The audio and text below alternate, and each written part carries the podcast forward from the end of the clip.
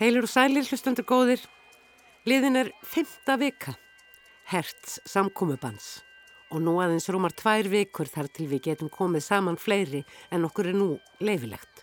Um leið og við höfð sér tveggja metra fjarlægð millir óskildra, hvað allir aðtví.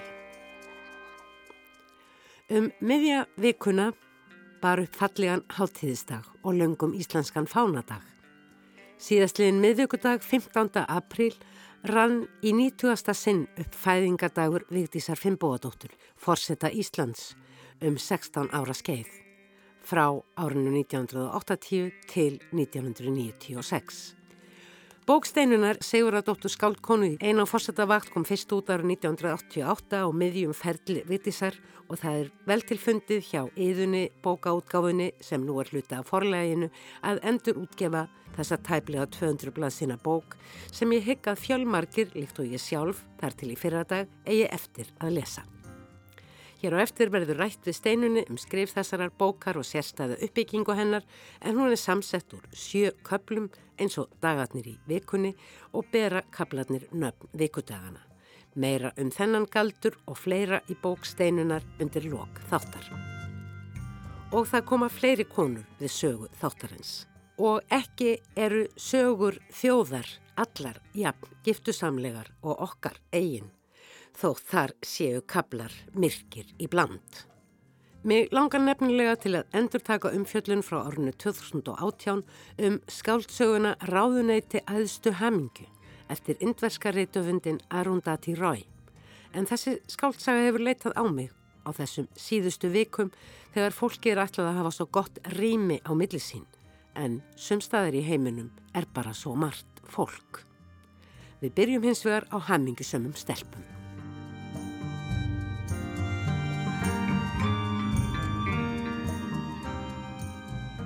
Í fyrra sendi lítið forlag litli Sæhesturinn sem er til húsa að segja má í eldhúsi Silju Salli í skjólunum í Reykjavík en þetta litla forlag sendi frá sér litla sögu um hana Dinnu. Bókin heitir Hamingistundir Dinnu og er með tekningum eftir Evu Eriksson. Margir foreldrar kannastu glust við dráttlist Evu Eriksson, engum þeir sem eiga börn sem jafnvel sjálf eiga börn nú. Því á nýjenda áratu síðustu aldar kom út nokkrar bækur um einn agnar smá að dúa sem átti bíl og nutu mikill vinsælda ekki síst fyrir teikningar efu. En einni fyrir texta Barbro Lindgren sem Vilborg Dabjörnsdóttir þýtti svo frábærlega. Nú rifjast þetta upp þegar að stökva í augun í barnatiltum bókabúðana bækur með teikningum augljóslega eftir Efu Eriksson sem vekja upp góðar minningar. Í þetta sinn er söguhettin hins vegar Dinna sem heitir fullunafni Daniel og er að byrja í skóla og tekstinn hér í þessum bókum við myndir Efu Eriksson er ekki síður eftir virtan og vinsælan sænskan barnabókahöfund sem heitir Rós, Róse Lagerkrans. Rós hefur á tæplega 40 ára ferli sendt frá sér um það byrj 50 bækur, barna, ólinga og fullorins bækur sem hann hefur fengið velun og viðkenningar fyrir og hafa þar verið þýttar á fjölmörg tungumáli gegnum tíðina. Aðeins ein bók eftir Rós Lagerkrans verið þá komið út á íslensku áður en það var Ketilbjörn Kaldi, aður nafni Eiríkur. Þar teiknaði Eva Eiríksson líka og eh, íslenska þýðingu þeirrar bókar gerði Árni Sigur Jónsson en hún kom út ára 1996. En nú hefur sem sé ljóðskaldið Guðrun Hannesdóttir þegar þýtt tvær bækur Róse Lagerkrans um dinnu. Hammingjustundir dinnu og svo kom fyrir skömmu út framhald þeirrar bókar Hjarta mitt skoppar og skelli hlær. Þetta eru léttlestrar bækur sem segja frá lífi dinnu sem er nýbyrðið í skóla sem henni finnst gaman engum eftir án eignast bestu vinkonu, hana Ellufríðum. Dinna vill helst alltaf vera hamingjusum og glöð en það gengur ekki alltaf alveg upp. Það er til dæmis erfið þegar Ella fríða flist burt úr bænum og hinnar stelpunar í skólanum vilja ekki sérstaklega vera vinir dinnu.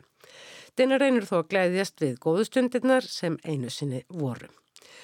Guðrún Hannesdóttir, ljóðskáld, þú er sendt frá þér á síðustu árum, hátt í tíu ljóðabækur eða hvað? Já, ég segi það nú ekki, það ætlaði að sé ekki svona 8-9. En þú hefur líka sjálf skrifað barnabækur Já, og, og, já, og þýtt margar og teikna myndirnar í þínar eigin bækur og jafnvel líka í bækur sem þú þýttir, sá ég. Og uh, hvernig kom þetta til með hana dinnu? Sko það gerðist nú svona svo margi góði hlutir, bara hægt og eftir krókaleiðum. og þú sagðir þá hefur nú verið þýtt á einmis tungumál og vinkona mín sem heiti Marja Gunnarsdóttir, hún hafði frétt af þessum bókum og var þá stött í París, kifti þær á frönsku og kom með þær heim og svo fóru þær að krunga saman Silja og hún um hvort ekki væri sniðugt að þýða þetta og hérna það er náttúrulega útvöðuðu sér sænsku tekstana og fóru að spá í hver, hver geti þýtt og það kom í minn hlut sem er mér fannst bara mjög skemmtilegt. Þetta er, ég heitlaðist alveg af þessum bókum. Þekktur þær ekki? Þú bjóst ekki einhvern tímann í Svíþjóð? Jú, en þessar hafði ég ekki séð. Þær kom út síðar kannski. En ég hafði mjög gaman af að þýða þær sko. Þetta er nú ekkert auðveldar að þýða batnabækur heldur en fullorðis, finnst mér. Nei, nei, það eru marga spurningar sem að koma upp um orðaval og, og bara setningaskipan. Og ég var nú svo heppin að hafa góða meðlesara eða svona yfirlesara, Mari og fleiri sem, að, svo- sem gera þetta svolítið ennþá skemmtilegra. En ég sagði á hann aðal personunni þessum bókum, hún dinna, vildi alltaf vera hamingjusum. Já. Það er svona kannski rauði þráðurinn Það er rauðið þráðurinn í þessu. og það gengur ekki alltaf alveg upp.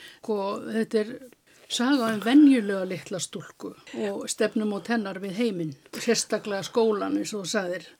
Og hún er bara klár lítil manneskja sem verður að taka svona... Takast á við ímislegt. Lífið. Já, og eins og þetta sem ég sagði á þann að vinkonan er ekki lengur og henni er leiði stundum, hún er ekki glöð og reynir þá að rifja upp eitthvað skemmtilegt. Mér langar til að byggja um að lesa stuttan kapla. Þær Dinna og Ella Fríða voru vanar að sitja saman í matsalnum, hvern einasta dag, lengst út í hotni og þangað skust Dinna nú með diskinn sinn.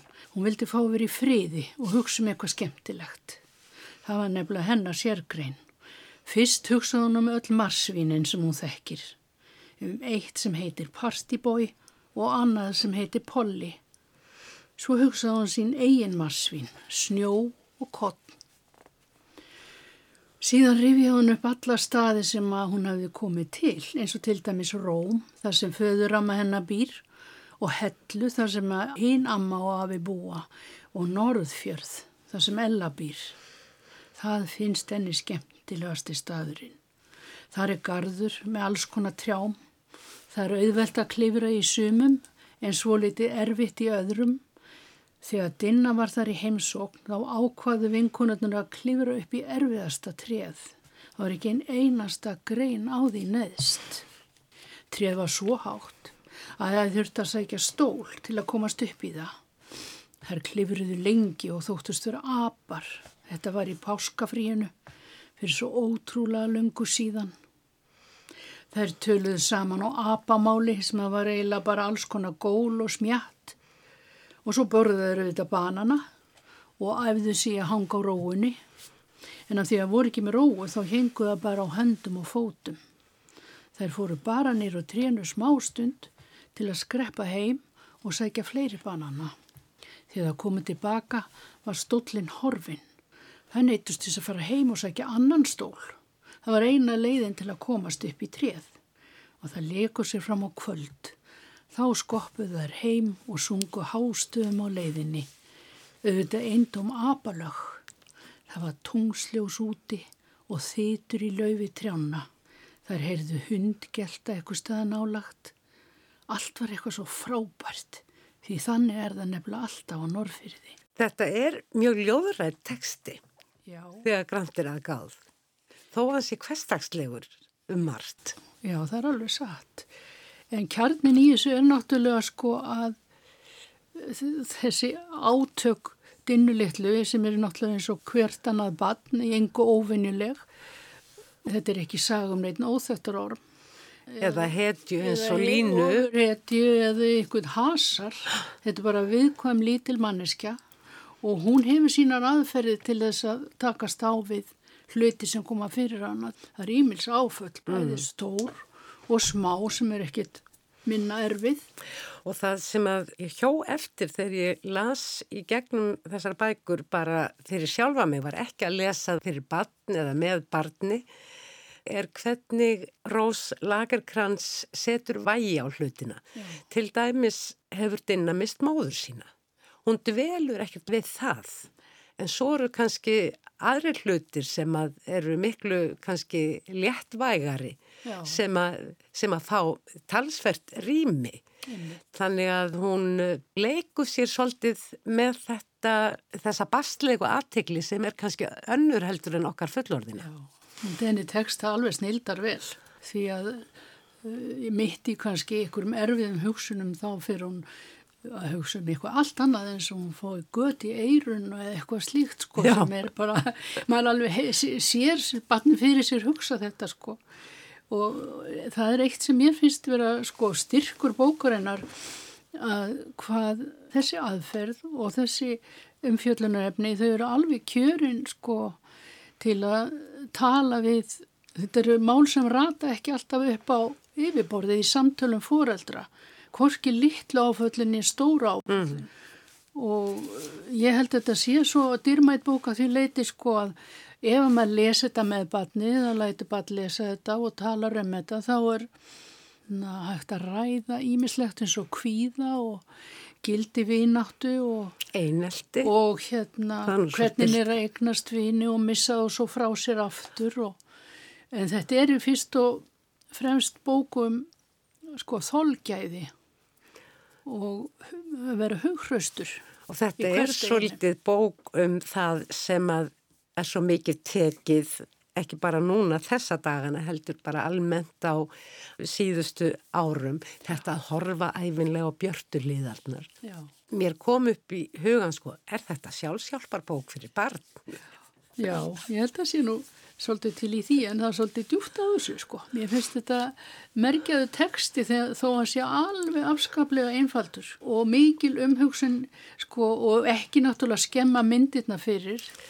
Nákvæmlega. Því að hérna þær hafa unni saman eins og segir í áratígi og eru bara orðnar eins og bara hönd í hanska og hérna hún er eina þekktustu myndskreitum hérna Svíja, Eva og Það stafar held ég líka af því að hún alveg eins og Rós þegar hún miðlar sinni list sko af nákvæmni og sannri virðingu fyrir sko lesendunum, hvort sem mm. eru litlir eða stórir. Sko. Vindumst aðeins á uh, þetta að þýða svona texta, svona einfaldan texta án þess að hann verði flatur, hann verður samt að hafa röttma og ris og, og allt þetta. Já. Svo er það svona hlutir eins og nöfnin Já. Þú til dæmis uh, kýst að uh, þýða uh, staðarnöfnin eins og Norrfjörð og Hellu Já. og nota alvöru.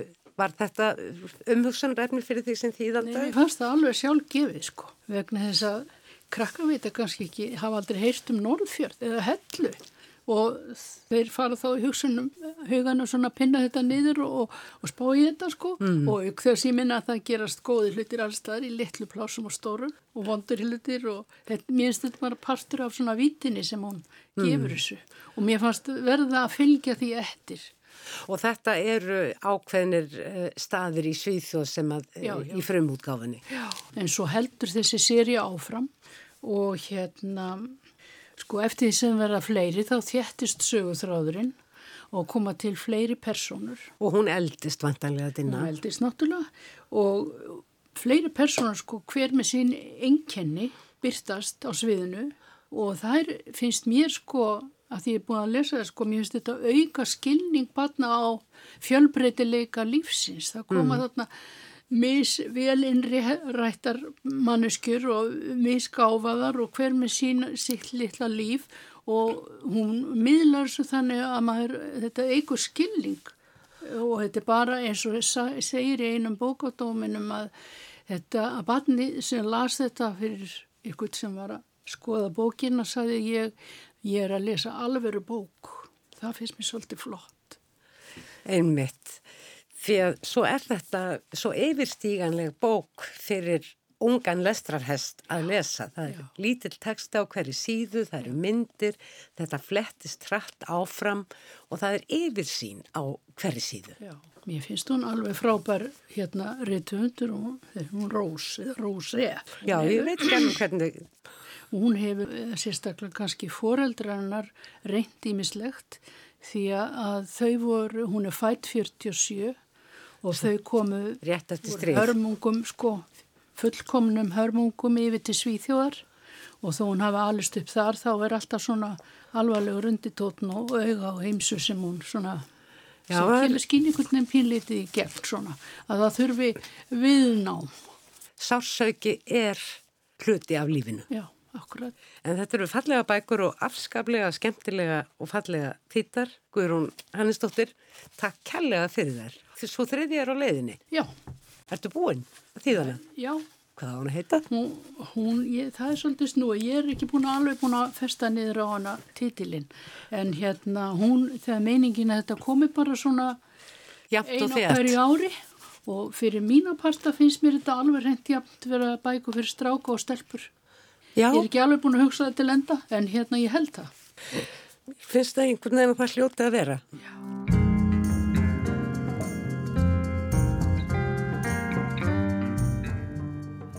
Fyrir réttum tveimur árum var á þessum vettvangi sagt frá skáldsögunni Ráðunetti hinnar aðstu hamingu sem er önnur bókin sem indverski réttöfundurinn og aktivistinn Arundati Roy sendi frá sér og var þá nýútkomin í íslenskri þýðingu Árna Óskarssonar.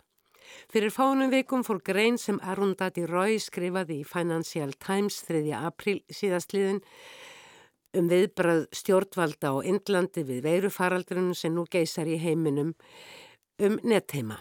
Í þessari grein segir meðal annars að þegar ljóst var að veiran óurlega myndi ekki halda sig við Kína hefðu viðbröð stjórnvalda á Indlandi verið nær engin. Því stjórnin var alltaf upptekin við margvíslega milliríkja samninga um kaup og sölu á herrgögnum jamt sem sjúkrargögnum. Auk þessum Donald Trump var vist vendanlegur í ofnbæra heimsókn sem reyndar ekki varð af. En svo fór fólk að veikast og rattir gerðust hávarari um að aðgerða væri þörf til að stemma stegu við faraldrinum. Sem reyndist hægara sagt en gert í ríki sem telur á annan miljard íbúa og hangir enn svo notu séu orð Arundati Rói í greininni á milli forneskjulegs aðals, skipulags og trúarlegs fundamentalisma, erðastjetta og kapitalisma og er aukin heldur stjórnað af erki íhaldsumum hindúum sem á þessum tíma hafðu meira áhuga á að útrýma muslimum og ríki sínu en yfirvóandi veiru. En svo kom að sett voru lög um að halda sig heima. En þúsundir, jafnvel hundruðir þúsunda, voru fjarrri sínu heima vegna vinnu. Aðrir áttu jáfnvel ekkert heimili. Glundróðin og ringulreiðin við takmörkum ferðafrelsis og stöðfun ofnbæra samgangla var til þess að fólk lagði gangandi á stað um langan veg. Margir komust aldrei alla leið, heldur fórust, eða fjallu fyrir vopnum misvitur að varða sem átt að sjá til þess að enginn væri á ferli. En það voru ekki hundruðir á ferli, heldur þúsundir, jafnvel hundruðir þúsunda. Lýsingarnar í grein Arundati eru hörmulegar og leiða fram misréttið sem ríkir og sem Arundati Rói í grein sinni ákallar heiminn um að leiðrétta nú. Að pláan verði okkur hlið til betri heims. Það var sem sagt lestur þessarar greinar sem myndi mig á áhrifaríkan epos Arundati Rói að ráðuneyti hinnar aðstu hamingu. Hlustandu góðir, ef ykkur langar til að fá heiminn allan í einni bók þá gæti ráðunetti æðstu hamingi eftir Arundati Roy verið bókin. Arundati Roy var stórstjarnar í heimi bókmentan árið 1997 þegar fyrsta skáldsaga hennar Guð hins smáa fekk mann búkarverlunin í Breitlandi og fór eftir það segur för um heiminn. Bókin hefur verið þýtt á ótal tungumál og strax árið eftir að hún kom út í Breitlandi gaf forlæðið hana út í íslenskri þýðingu Ólafar Eldjáttn og hefur svo þýðing verið endur útgefinn tvísvar. Guðinn smáa er fjölskyldusaga sem gerist í Kerala fylki á Indlandi og segir frá tvíburunum Rahel og Esta og fjölsgrúðuri fjölskyldu þeirra. Hér er fjallaðum uppeldi og erðir, samfélagslega skorður og einstaklinga sem vikjast undan þessum skorðum. Tvíburarnir eru aðskildir sjóra gamlir og allast þannig upp við ólíkar aðstæður. Þeir hittast aftur þrítýr og hefur þá margt á daga þeirra drefið. Hér skal ekki fjalla nánar um Guðin smáa heldur um ráðunni til aðstu hamingju, nýju bókina eftir Arun Dati Rói. Svo er öll stærri í sniðum en Guðinn smáa gerist á hennu stóra Indlandi sem á því rúmlega hálrar aldar tímabili sem sagan spannar, begja vegna aldamótana. Þetta er með öðrum orðum mikil saga og marglega sem segir frá vegferð fjölda fólks, hugssjónum þess þrám og ástum og hvernig personleir hagsmunum nokkur að vera til þess að lífsgrundvöldur fjöldans er fótum tróðin. Þetta er litrík saga sem gerist að hluta í deli, engum í svo kallum gravgarði sem samsvara því sem við alla jafna kallum kirkugarð en sem óviðandi var að nefna svo í samhengi almennra trúarhefða á Indlandi. Í þessum ákveðna gravgarði verður á nokkuð löngun tíma til eins konar fríríki þar sem allir eru velkonir sem í grunni hjartasins vilja vel. Sækjast eftir friði sem þó ekki útilokar samskipti við annað fólk og margvíslega aðtapna semi eða að dölin í þessu fríríki felur einfalli í sér kerkona kvild frá hróttalegum átökum og baráttu annar staðar. Húsráðandi eins og það er kallað á einum stað er transpersonan Anjún sem uppalega hefur komið sér upp skjóli á þessum stað því hún gæti ekki lengur hugsa sér að dvelja lengur í kvabra sem mun vera einhvers konar smáhöll með mörgum glæsilegum vistarverum en í þessu ákveðna kvapga í nákvæmnu rauðavirkisins í gamlu deli ef ég hef náð öllu rétt er einhvers konar allkvarf já eða vændishús jafnvel þeirra sem vegna útlits og eða innrætis eða hverki heima. Þá er betra að vera saman og njóta einhvers konar verndar og samverum. En jafnvel á stað þar sem hinn er jæðarsettu, stiðja hver annan, getur það komið fyrir að þeir komist upp á kvant hver við annan og það gerist í lífi Anjum. Á endanum stopnar hún hótel Jannet eins og byggðin í gravgarðinu með nefnd og sem verður á nokkrum tíma að heilu hverfi þar sem margvíslegu smá yðnaðari stundaður sem á landbúnaður en það jörðin afskaplega frjósum í gravgarðinum. Grafgarðurinn er þó sannlega ekki eina sögusvið þessarar sögu sem flengist með aðstóð ólíkra sögumanna og mis áræðanlegra aftur og fram um hið viðfæðma Indland. Dvelur þó aðalega í Delhi og Kasmír sem og á ferðalögum þar á milli. Ég hef ekki talið personubókarinnar en það er skipta fleiri tögum og er þá ekki verið að tala um vegfærandur heldur nafngrendar personur sem segja frá eða hafa áhrif á líf personuna sem bera söguna uppi. Sagan er löng en er 480 blaðsýður en heldur spennu allt til loka, skoppandi frá einni hlýðarsögu til hennar næstu og svo aftur inn í megin strömin án þess að gott sé að fanga þann ström í fáum orðum. Saumir gaggrinendur hafa kallað söguna rugglingslega sem má til sannsvegar færa en er alveg öruglega stílbrað og miðlar vel því hafi fólks af ólíkum uppruna og trúarbröðum sem við sjáum fyrir okkur þegar að Indland er nefnt. Það var Árni Óskarsson sem þýtti ráðunni til aðstu hamingu og ætti því að þekka bókina vel. Þetta er gríðarlega mikil saga Árni Óskarsson með ógreinað personum og hún bestum viðan völl, landsvæða og héraða og innlandskaga í hátti hálfa öld. Ein af aðal personunum, Anjum, er komin um 60 þegar við skiljum við hana og við höfum fengið að fylgjast með henni frá fyrstu byrjun þar sem hún fæðist sem drengur en einmitt líka sem stúlka sem krefst einhvers konar aðgerðar og ákvarðana. En við fylgjumst líka með hópi ungmenna sem fyrir tilvílun kynnast þegar að þau taka þátt í uppsetningu leikrits í háskóla. Leikritina er reyndar aldrei á svið En þessir félagar sem koma hverju sinni áttinni, stúlkan Tilotama frá Kerala sem lærir arkitektur og piltarni þrý sem allir elskana með sínum hætti, Naga sem er bladamadur og stjórnu fjölmiðlamadur, ekki sísti sjómarpi, Biblandis Gupta sem verður leini þjónustumadur með mis businessverkefna á kantinum sem á Kasmir frelsishetjan Musa Leiðir þessara einstaklinga skerast þó alltaf aftur og aftur í þeim ótal sögun sem bókininni heldur og varpa ljósi á fólkið í ráðuneti aðstu hamingu sem verður til í gravgarðinum í Delhi og þar sem áður nefnd Anjum og Saddam Hussein, þar að segja ekki einræðisherra í Írak sem einu sinni var að ráða ríkjum. Segðu mér átni, er einhver leið að segja í fáum orðum um hvað þessi bók fjallar? Um, það er kannski erfitt. Hún fjallar náttúrulega um Indland okkar daga og um, hún er svolítið mikið að fjalla um bara indvest samfélag og hvernig það hefur þróast og það er nú Kasmír er nú svolítið í miðbúndi mm -hmm. hérna, her, her, herseta indverja í Kasmír En þetta er allt sett í mjög stórt samhengi jáfnvel þótt Indland sé stórt og ákaflega fjölmennt og fjölsgrúðugt mikil fjölmenning sem þar er að þá tengir maður stöðugt við bara fréttaflutning í heiminum, þetta sem að deynur og erum okkar alla daga. En svo er þetta líka saga um manneskjur Já. sem að er að leitað ást og hamingu Já. og þetta byrjar allt á Anjum sem reyndar fættist sem strákurinn aftab sem foreldrarnir fögnuði mjög en dáttuði þrjárstúlkur fyrir en það er ekki allt sem sínist og litli tippalingurinn skarta nefnilega líka rauf millir fóta sér. En það er eins og í þessari sögum eigi alltaf finna ráð, finna aðstóð, stundum til góðs og stundum ekki. En oftast blandast þetta nú saman. Mér finnst þetta að vera svolítið bara þróun vestrans samfélags og manneskjöldnar sem að rekjast í þessari þróun.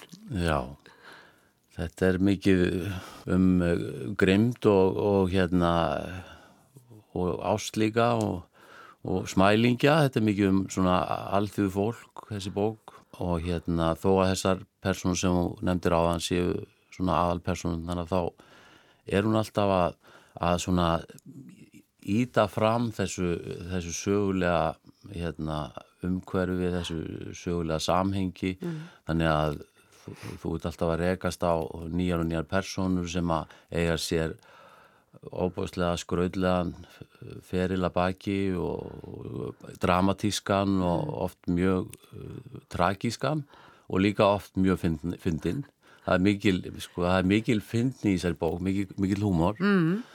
Þannig að uh, úr þessu verður alveg gríðalegt sagna sapn Þetta er einhvers konar, ég veit ekki hvað ég að segja, einhvers konar Donkey Kóti 1001 nótt uh, uh, 21. aldarinnar. Já, ég hef lesið einhver líkt þessu við sko bútasumsteppi af sögum sko, mm. þetta er svo, hún er svo, þessi bókin er sett saman úr svo mörgum sögum. Sko. Já. Já, og þess konar sögur, þær fanga okkur alveg ótrúlega því að uh, frum orsök og endanleg afleiðing. Það er ekki beinleins það sem við erum að sækjast eftir í, í skáldskap. Heldur einmitt þetta flæði sem að byrjar að þér virðist bara einhver staðar mm -hmm. og svo rennur það út og, og eitthvað annar tekur, tekur yfirhundina. Já. Já, þetta er sannlega saga Indlands í stórum dráttum eins og hverjir eru afleðingar af þjóðrækni sem grundvallast á hinduisma en gæti líka grundvallast á einhverju öðru. Þarna er sagt frá bópælslýsinu árið 1984 byggingur raforkuverk sem krefst þessa heil blómlegu dalur og heimkynni fjölda fólks verði stíblaður sem uppistöðulón og að óglemdri frelsisbaróttu Kasmír búa. Hér er varpað fram spurningum um frumbyggja og aðflutta, stöðu kvenna og margvíslegan kynusla sem loks er farið að horfast í augu við, svona almennt og ofnberlegi heiminum. Það er hér ægir öllu saman, engum og sér í lægi náttúrulega í hennu frægaráðinni eða hamingju eða í þessum gravgarði. Gravgarðar eru, eru mjög uh, uh, mikilvægur vettvangur í þessari sögu, ekki bara þessi gravgarðar heldur bara ymsir. Einmitt, mm. að Það degja náttúrulega svo. Já, það sagða lýsi náttúrulega því að það er gríðarlegt mannfall í þessum hérna, átökum, mm. í Kasmir sérstaklega og, og gravgarðarnir eru alltaf að stækka. Þetta er mjög gaggrínin saga líka en hún verður samt einhvern veginn aldrei áráðurskend. Nei, hún er svolítið að eh, sína hvernig fólk er alltaf lokað í einhverjum, einhverjum holvum ég meina þú myndist þarna á andjum þarna, þarna fisko sem að fæðist strákur og, og það er þarna kapli í byrjum bókan það sem móðurinn er bara hún, þú veist það bara hrínur veröldin að því að það er, veist, að, það er ekki hægt að flokka þessa mannesku sem að, hún er búin að fæða. Og það er trúabröðun og það er erðastjættinnar og fólk er alltaf eitthvað starf og svo, svo passar já, og, og fólk passar ekkit inn í þessa, þessi, þessi munstur eða þessar kategóriu sem eru mjög ríkjandi greinlega þarna mm. á Índlandi og, og af þessu uh, verða mikla sögur sko Það var búið að býða lengi eftir því að Arundati Rói sendi frá sér nýja bók eftir að fyrsta bók hennar Guðin smá og sló svo rækili í gegn.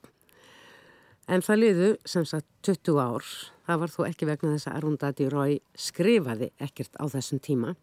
Hún hefur skrifað heil reyðinarbíst, hún hefur skrifað kvikmynda og sjónvarshandrit þótt mestur tíma hennar hefur farið í að skrifa bladagreinar og rittgerðir um ástandið á Indlandi, um baróttuna gegn spillingu, valdbeitingu, gagvart minnilhutahópum og jæðarsettum. Stór hluti bókarinnar fjallar um tilraunir hindúa Indlands til að innlima Kasmír og ótrúlega lúalegar baráttu aðferðir fyrir og gegn yfirráðum yfir þessu fagra fjallandi og þar blandast í raun heimurinn allur inn í söguþráðin, allar frettir af átökum sem klingja í erum okkar dag út og dag inn. Oftar en ekki er okkur þó sparðar þar litlu sögurnar af einstaklingum sem eru svo hræðilegar og ljótar. Eins og til dæmis þessi um mann Gafúrs sem lendir í því að vera lokaður inni á almenningssalerni og fyrir skipað af indversku öryggiskesslunni að svæla út uppreysnar mann sem reynist hafa lengt að þela sig ofan í frárensli mannopsins eins og það er kallað og hefur í raun drepist þar. Sérsveitar mennirnir letu okkur fá kúbein og skoblur. Við þurftum að brjóta steftu brúnirnar í kringum mannopið til að toga hann upp. Við vorum allir blöytir, skjálfandi, ítla lyktandi. Þegar við dróum líkið upp komumst við að því að fótleikirnir voru bundnir saman og þingdir með grjóti. Það var ekki fyrir en síðar að við komumst að því hvað hafði gerst áður í kvikmynd sérsveitarinnar. Fyrst höfðu nokkrir þeirra komið svo lítið bara á í einum bíl. Þeir bundu mannin og tróðu honum ofan í mannopið. Hann hafði verið pyntaður hróttalega og var að dauða komin. Þegar þeir komu inn fundu þeir annan ungar mann í einum klefanum. Þeir hann tóku hann og fóru með hann burt. Kanski neytaði hann að gera það sem við fjallumst á að gera.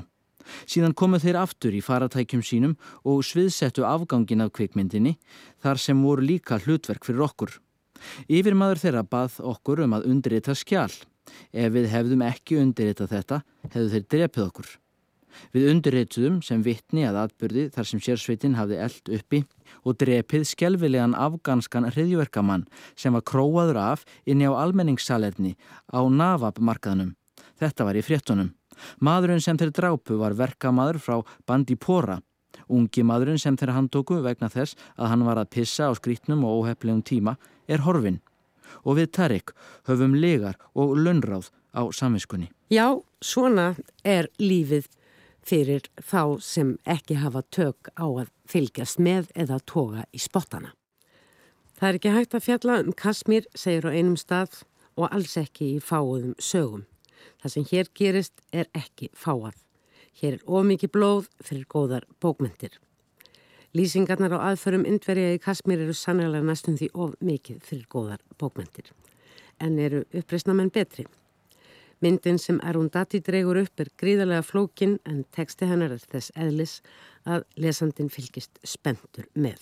Og setur í samhengi við eigin reynslu sem í flestum tilvikum byggir á fréttaflutningi sem kannski þegar uppi staðið er lítið frábröðum því sem hér var frásagt. Arundati dregur aldrei fram málstað þessara eða hinna sem þann rétta, hún korki dæmin í leiðbeinir. Þeir sem eru hugrakir og nefna hlutina sínum réttu nöfnum eiga þó augljósa aðdáin hennar. En það sem að kannski ber upp þessa bók og fær okkur til þess að lesa alltaf áfram eru manneskjurnar í henni. Þessi ótrúlega litskrúði hópur sem er af ólíkum uppruna og sem tala jafnvel ólík tungumál sem flestir okkur afar framandi og þessum tungum er oft telt fram í tekstanum. Þegar þú fjast þessa miklu bóki hendur, hvernig lestir svona að, að þýðan?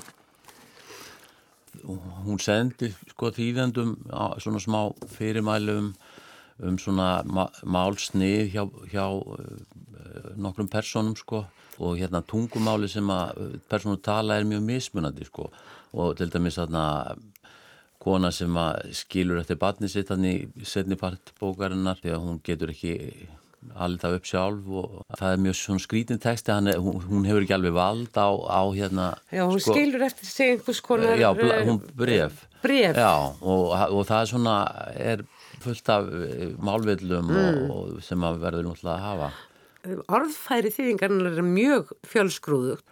En sko tekstin er líka sko á köflum er hann mjög skáldlegur svona og það er svona hátilegur sko. Ljóðrætt. Og, og svo eru er aðri kapla það sem, sem eru svona eins og litlar dæmisögur eða svona mjög einfaldu teksti sko og hérna stuttar frásagnir og hún er mjög fjölsgrúðu í stíl þessi bók.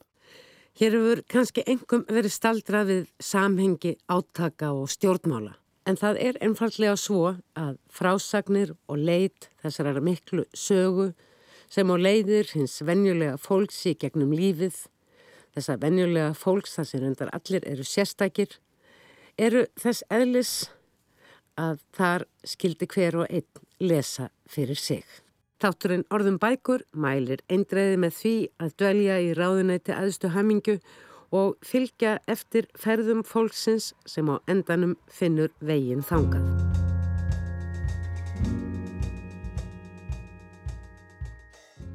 Í tilefni nýraðis Amalis Vigdísa Fimboðadóttur forsetta okkar á árunum 1980 til 1996 gaf forlægið að nýju út bók Steinunar Sigurðardóttur einn á forsettavakt.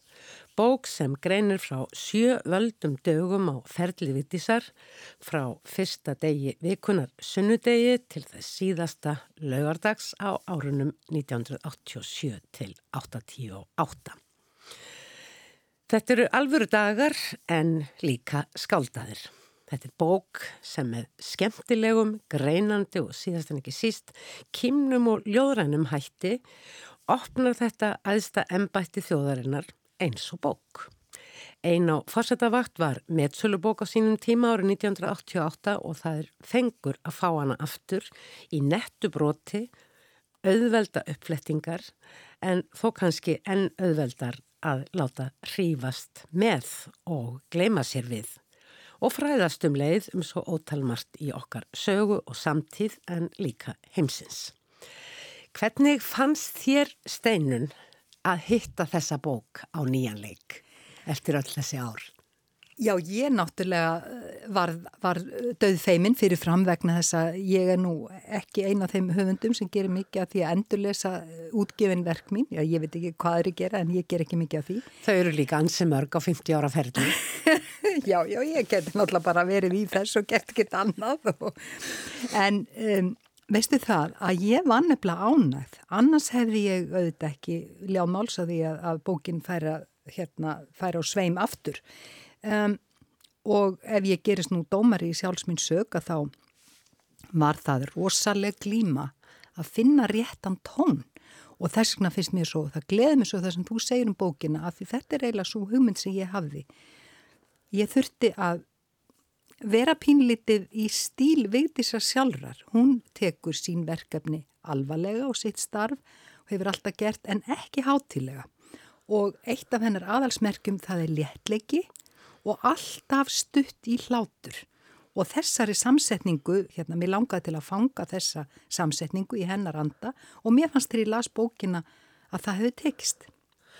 Þegar þú skrifar þessa bók eru eitthvað á annan tug ára liðin frá því að fyrsta ljóðabókin þín sífellur kom út og á þeim tíma þar að segja þegar þú skrifa þessa bók er líklega fyrst og fremst litið á því sem ljóðskáld þóttu hafið þá líka skrifa leikrit, smásögur og eina skáldsögur skáldsöguna að segja má á þessum tíma sem auðvitað var tíma þjóðurinn.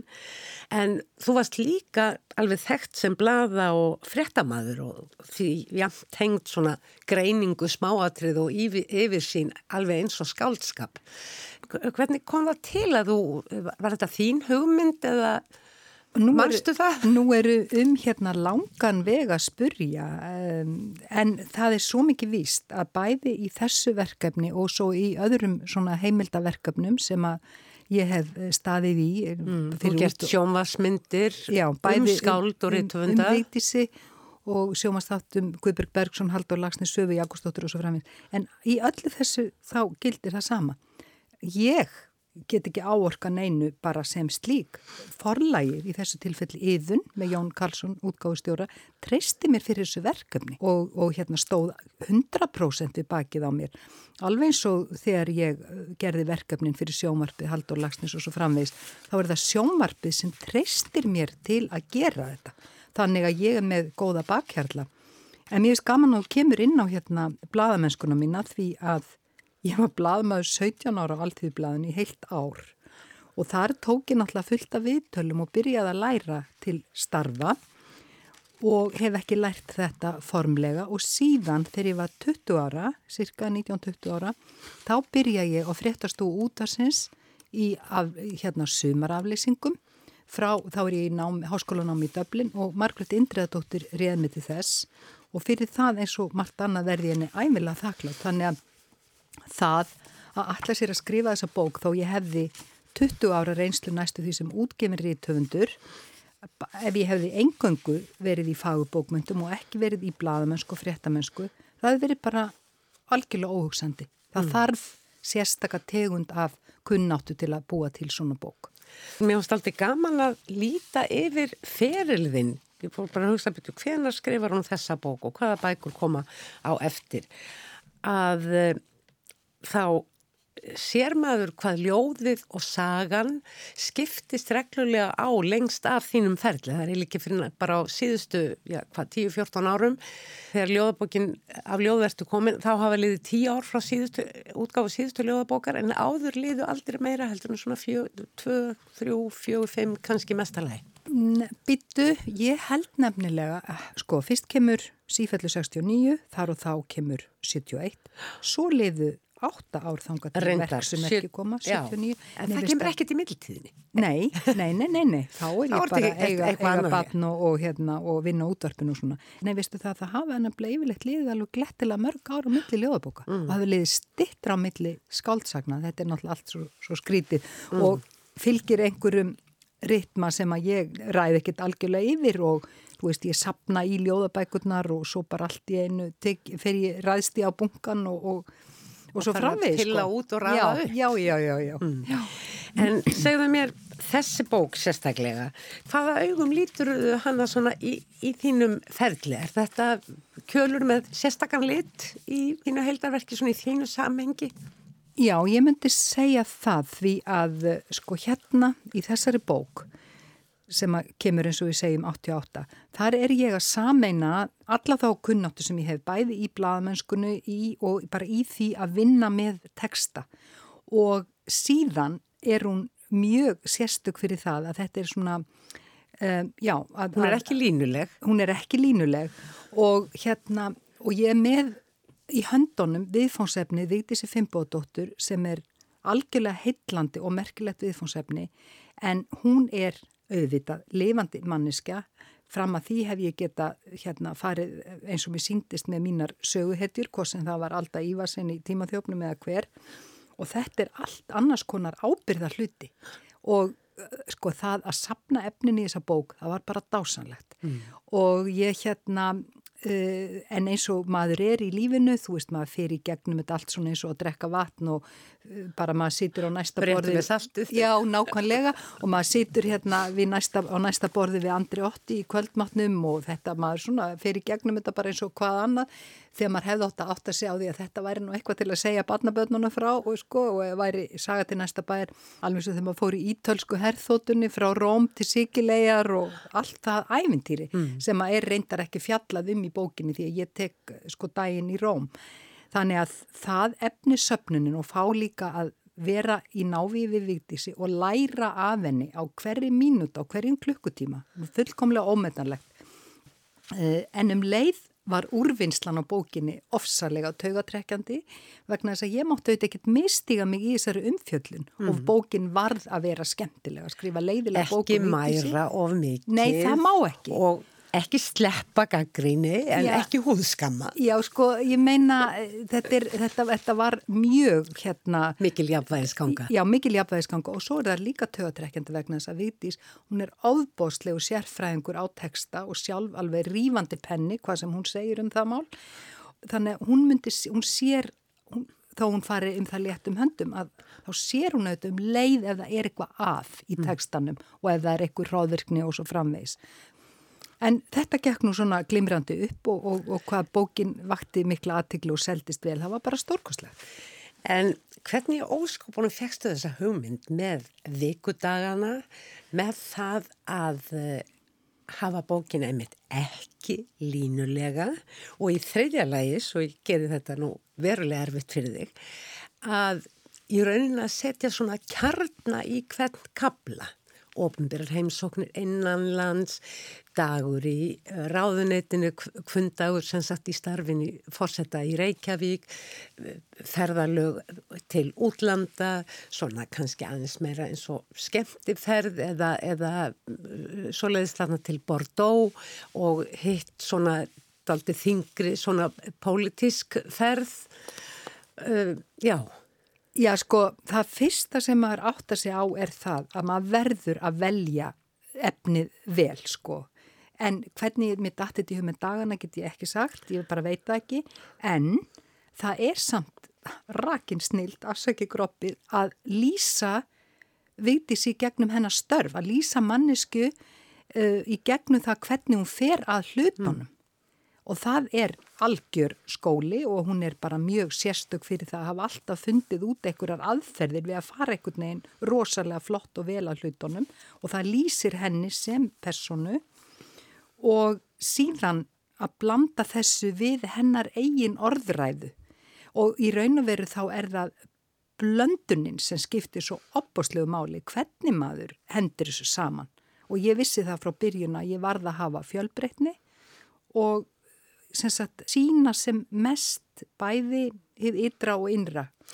Það sem hún er að hugsa og skrifa og hvernig hún klæðir sig. Já, sko, föttin skapa mannin, segir nú einhver og það verður náttúrulega að segjast eins og er að hluti af því eh, hérna af hennar að andrumsloftinni kringum vítisí það var þessi óbreyðuli smekkur hvort sem að vara á eitthvað innastóks eða á það hvernig hún var klætt og þú veist það var náttúrulega stanslöst verið að mynda vítisí og hún áttaði sig á því að, að þú veist að þetta þurfti að vera í lægi og það er bara einn ein hlut af hennar einsýn það fjallar ekki um eitthvað snopp eða merkja vöru eða eitthvað slíkt heldur bara að þetta er reyn praktík mm. að hún sæði alltaf sko Þegar ég er í útlöndum þá vil ég að menn sjáu að, að, að fólk frá Íslandi kann að klæða sig og það kann að greiða sér og, og vera vel farðan. Hún bara átt að sjá þess að þetta er um, hluti af, af ímyndinni alveg og raunverulega algjörlega ómissandi sko.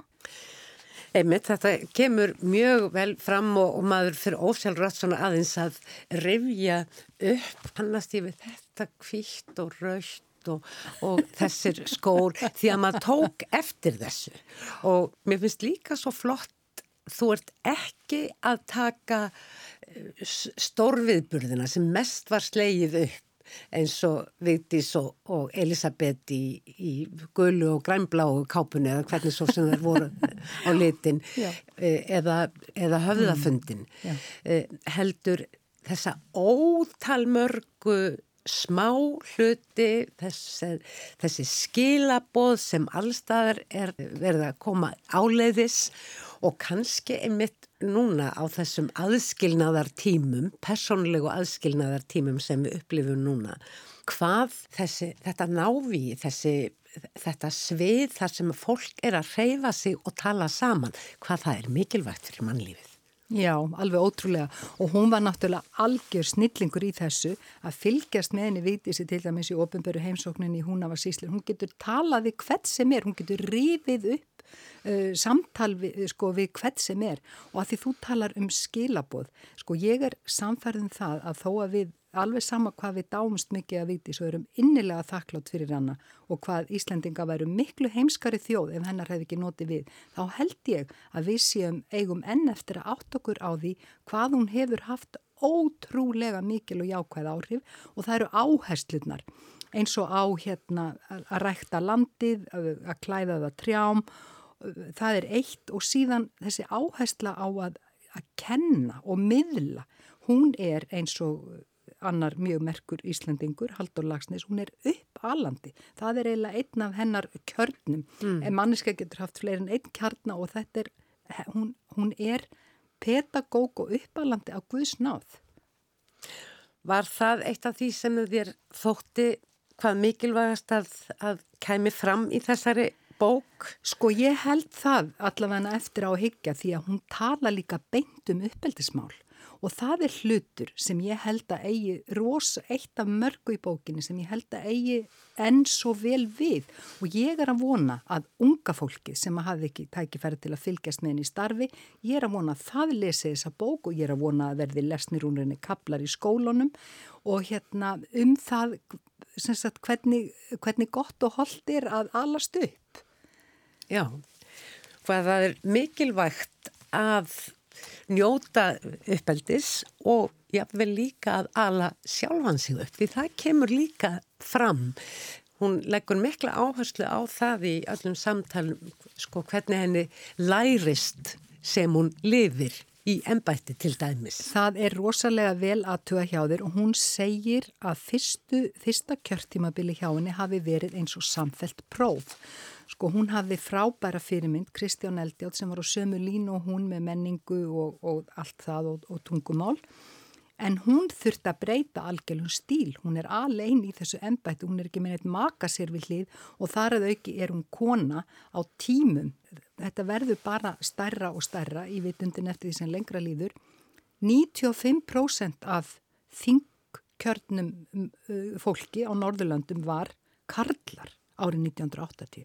Þannig að hún er brautriðjandi með stórum stöfum og þetta því að hún, talar um að alla sjálfa sig upp, hún hefur einstakann sjálfsaga og hún hefur mikla sjálfsgagrinni sem hefur auðvitað hamlaðinni en hún hefur líka byggt hana upp þannig að hún er alltaf að reyna að gera betur. Í dag, þegar þú stendur svona á rétt rúmum 50 árum rítöfunda tilveru. Hafðu skrif þessarar bókar og hvað ég segi, kannski kynniðinn af þessi nánu kynni sem urðu með þessum hætti við skrif bókar, áhrif á þín skrif, kannski hægt að setja fingur á það. Sko, ég sem sagt kynnist Vítísi og ég segi frá því í nýjum og persónlegum formála. Ég kynntist henni þegar ég var í átt að vera að lesa 5. bekk mentaskóla en ég hoppaði yfir hann að því ég var að flýta mér og þá þurfti ég aukatími frönsku og ég var svo heppin að fá að vera í aukatímum hjá Vítísi á Aragötu.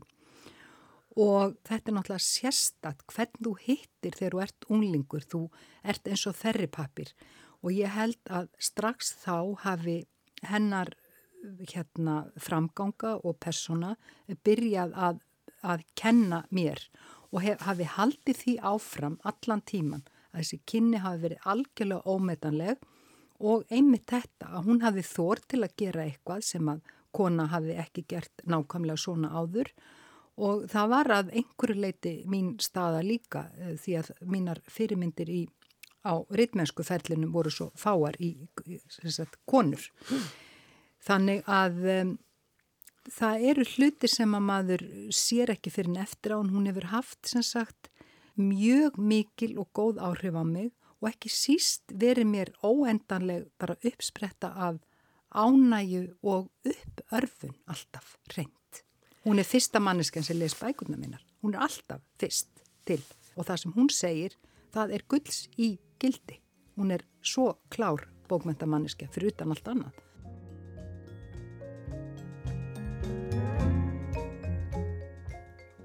Eitt ljóð að lókum til virðingar og vexhendar konum sem allir geta með einhverjum hættið tengt vegferð sína við. Arfur eftir Sigurlín Bjarni Gísladóttur. Arfur. Formæður. Eva, nakti eplatætarinn. Marija, hugljúfa móðurinn. Gríla, þreytta fjölburamamman. Lína langsokkur, uppreist. Fríta, litríkt sorgarhaf. Látrabjörg á vergangi. Vigdís Fimboðadóttir, þokkafulli trjáraktandin. Reist. Mamma og mamma, önnur gaf mér líf og hinn bjargaði því. Hlýja. Ég erði sjö fögnuði Maríu, sjö sorgir Maríu, sjö vikudaga, sjö dauðasindir og fyrirgef sjötju sinnum sjö. Nafn mitt, Grímsei, Aðalból og Sandvík geima sjö bókstafi. Konur er eins og blundur og fjadrir, mjúkar, léttar, viðkvamar, sterkar, floknar, þrættar í flækju þráðum sem handahófið varpar fram í fegurð. Fleiri verða orðum bækur, ekki að þessu sinni. Tæknum að það var Úlfildur Eistensdóttir. Takk fyrir að hlusta. Verðið sæl.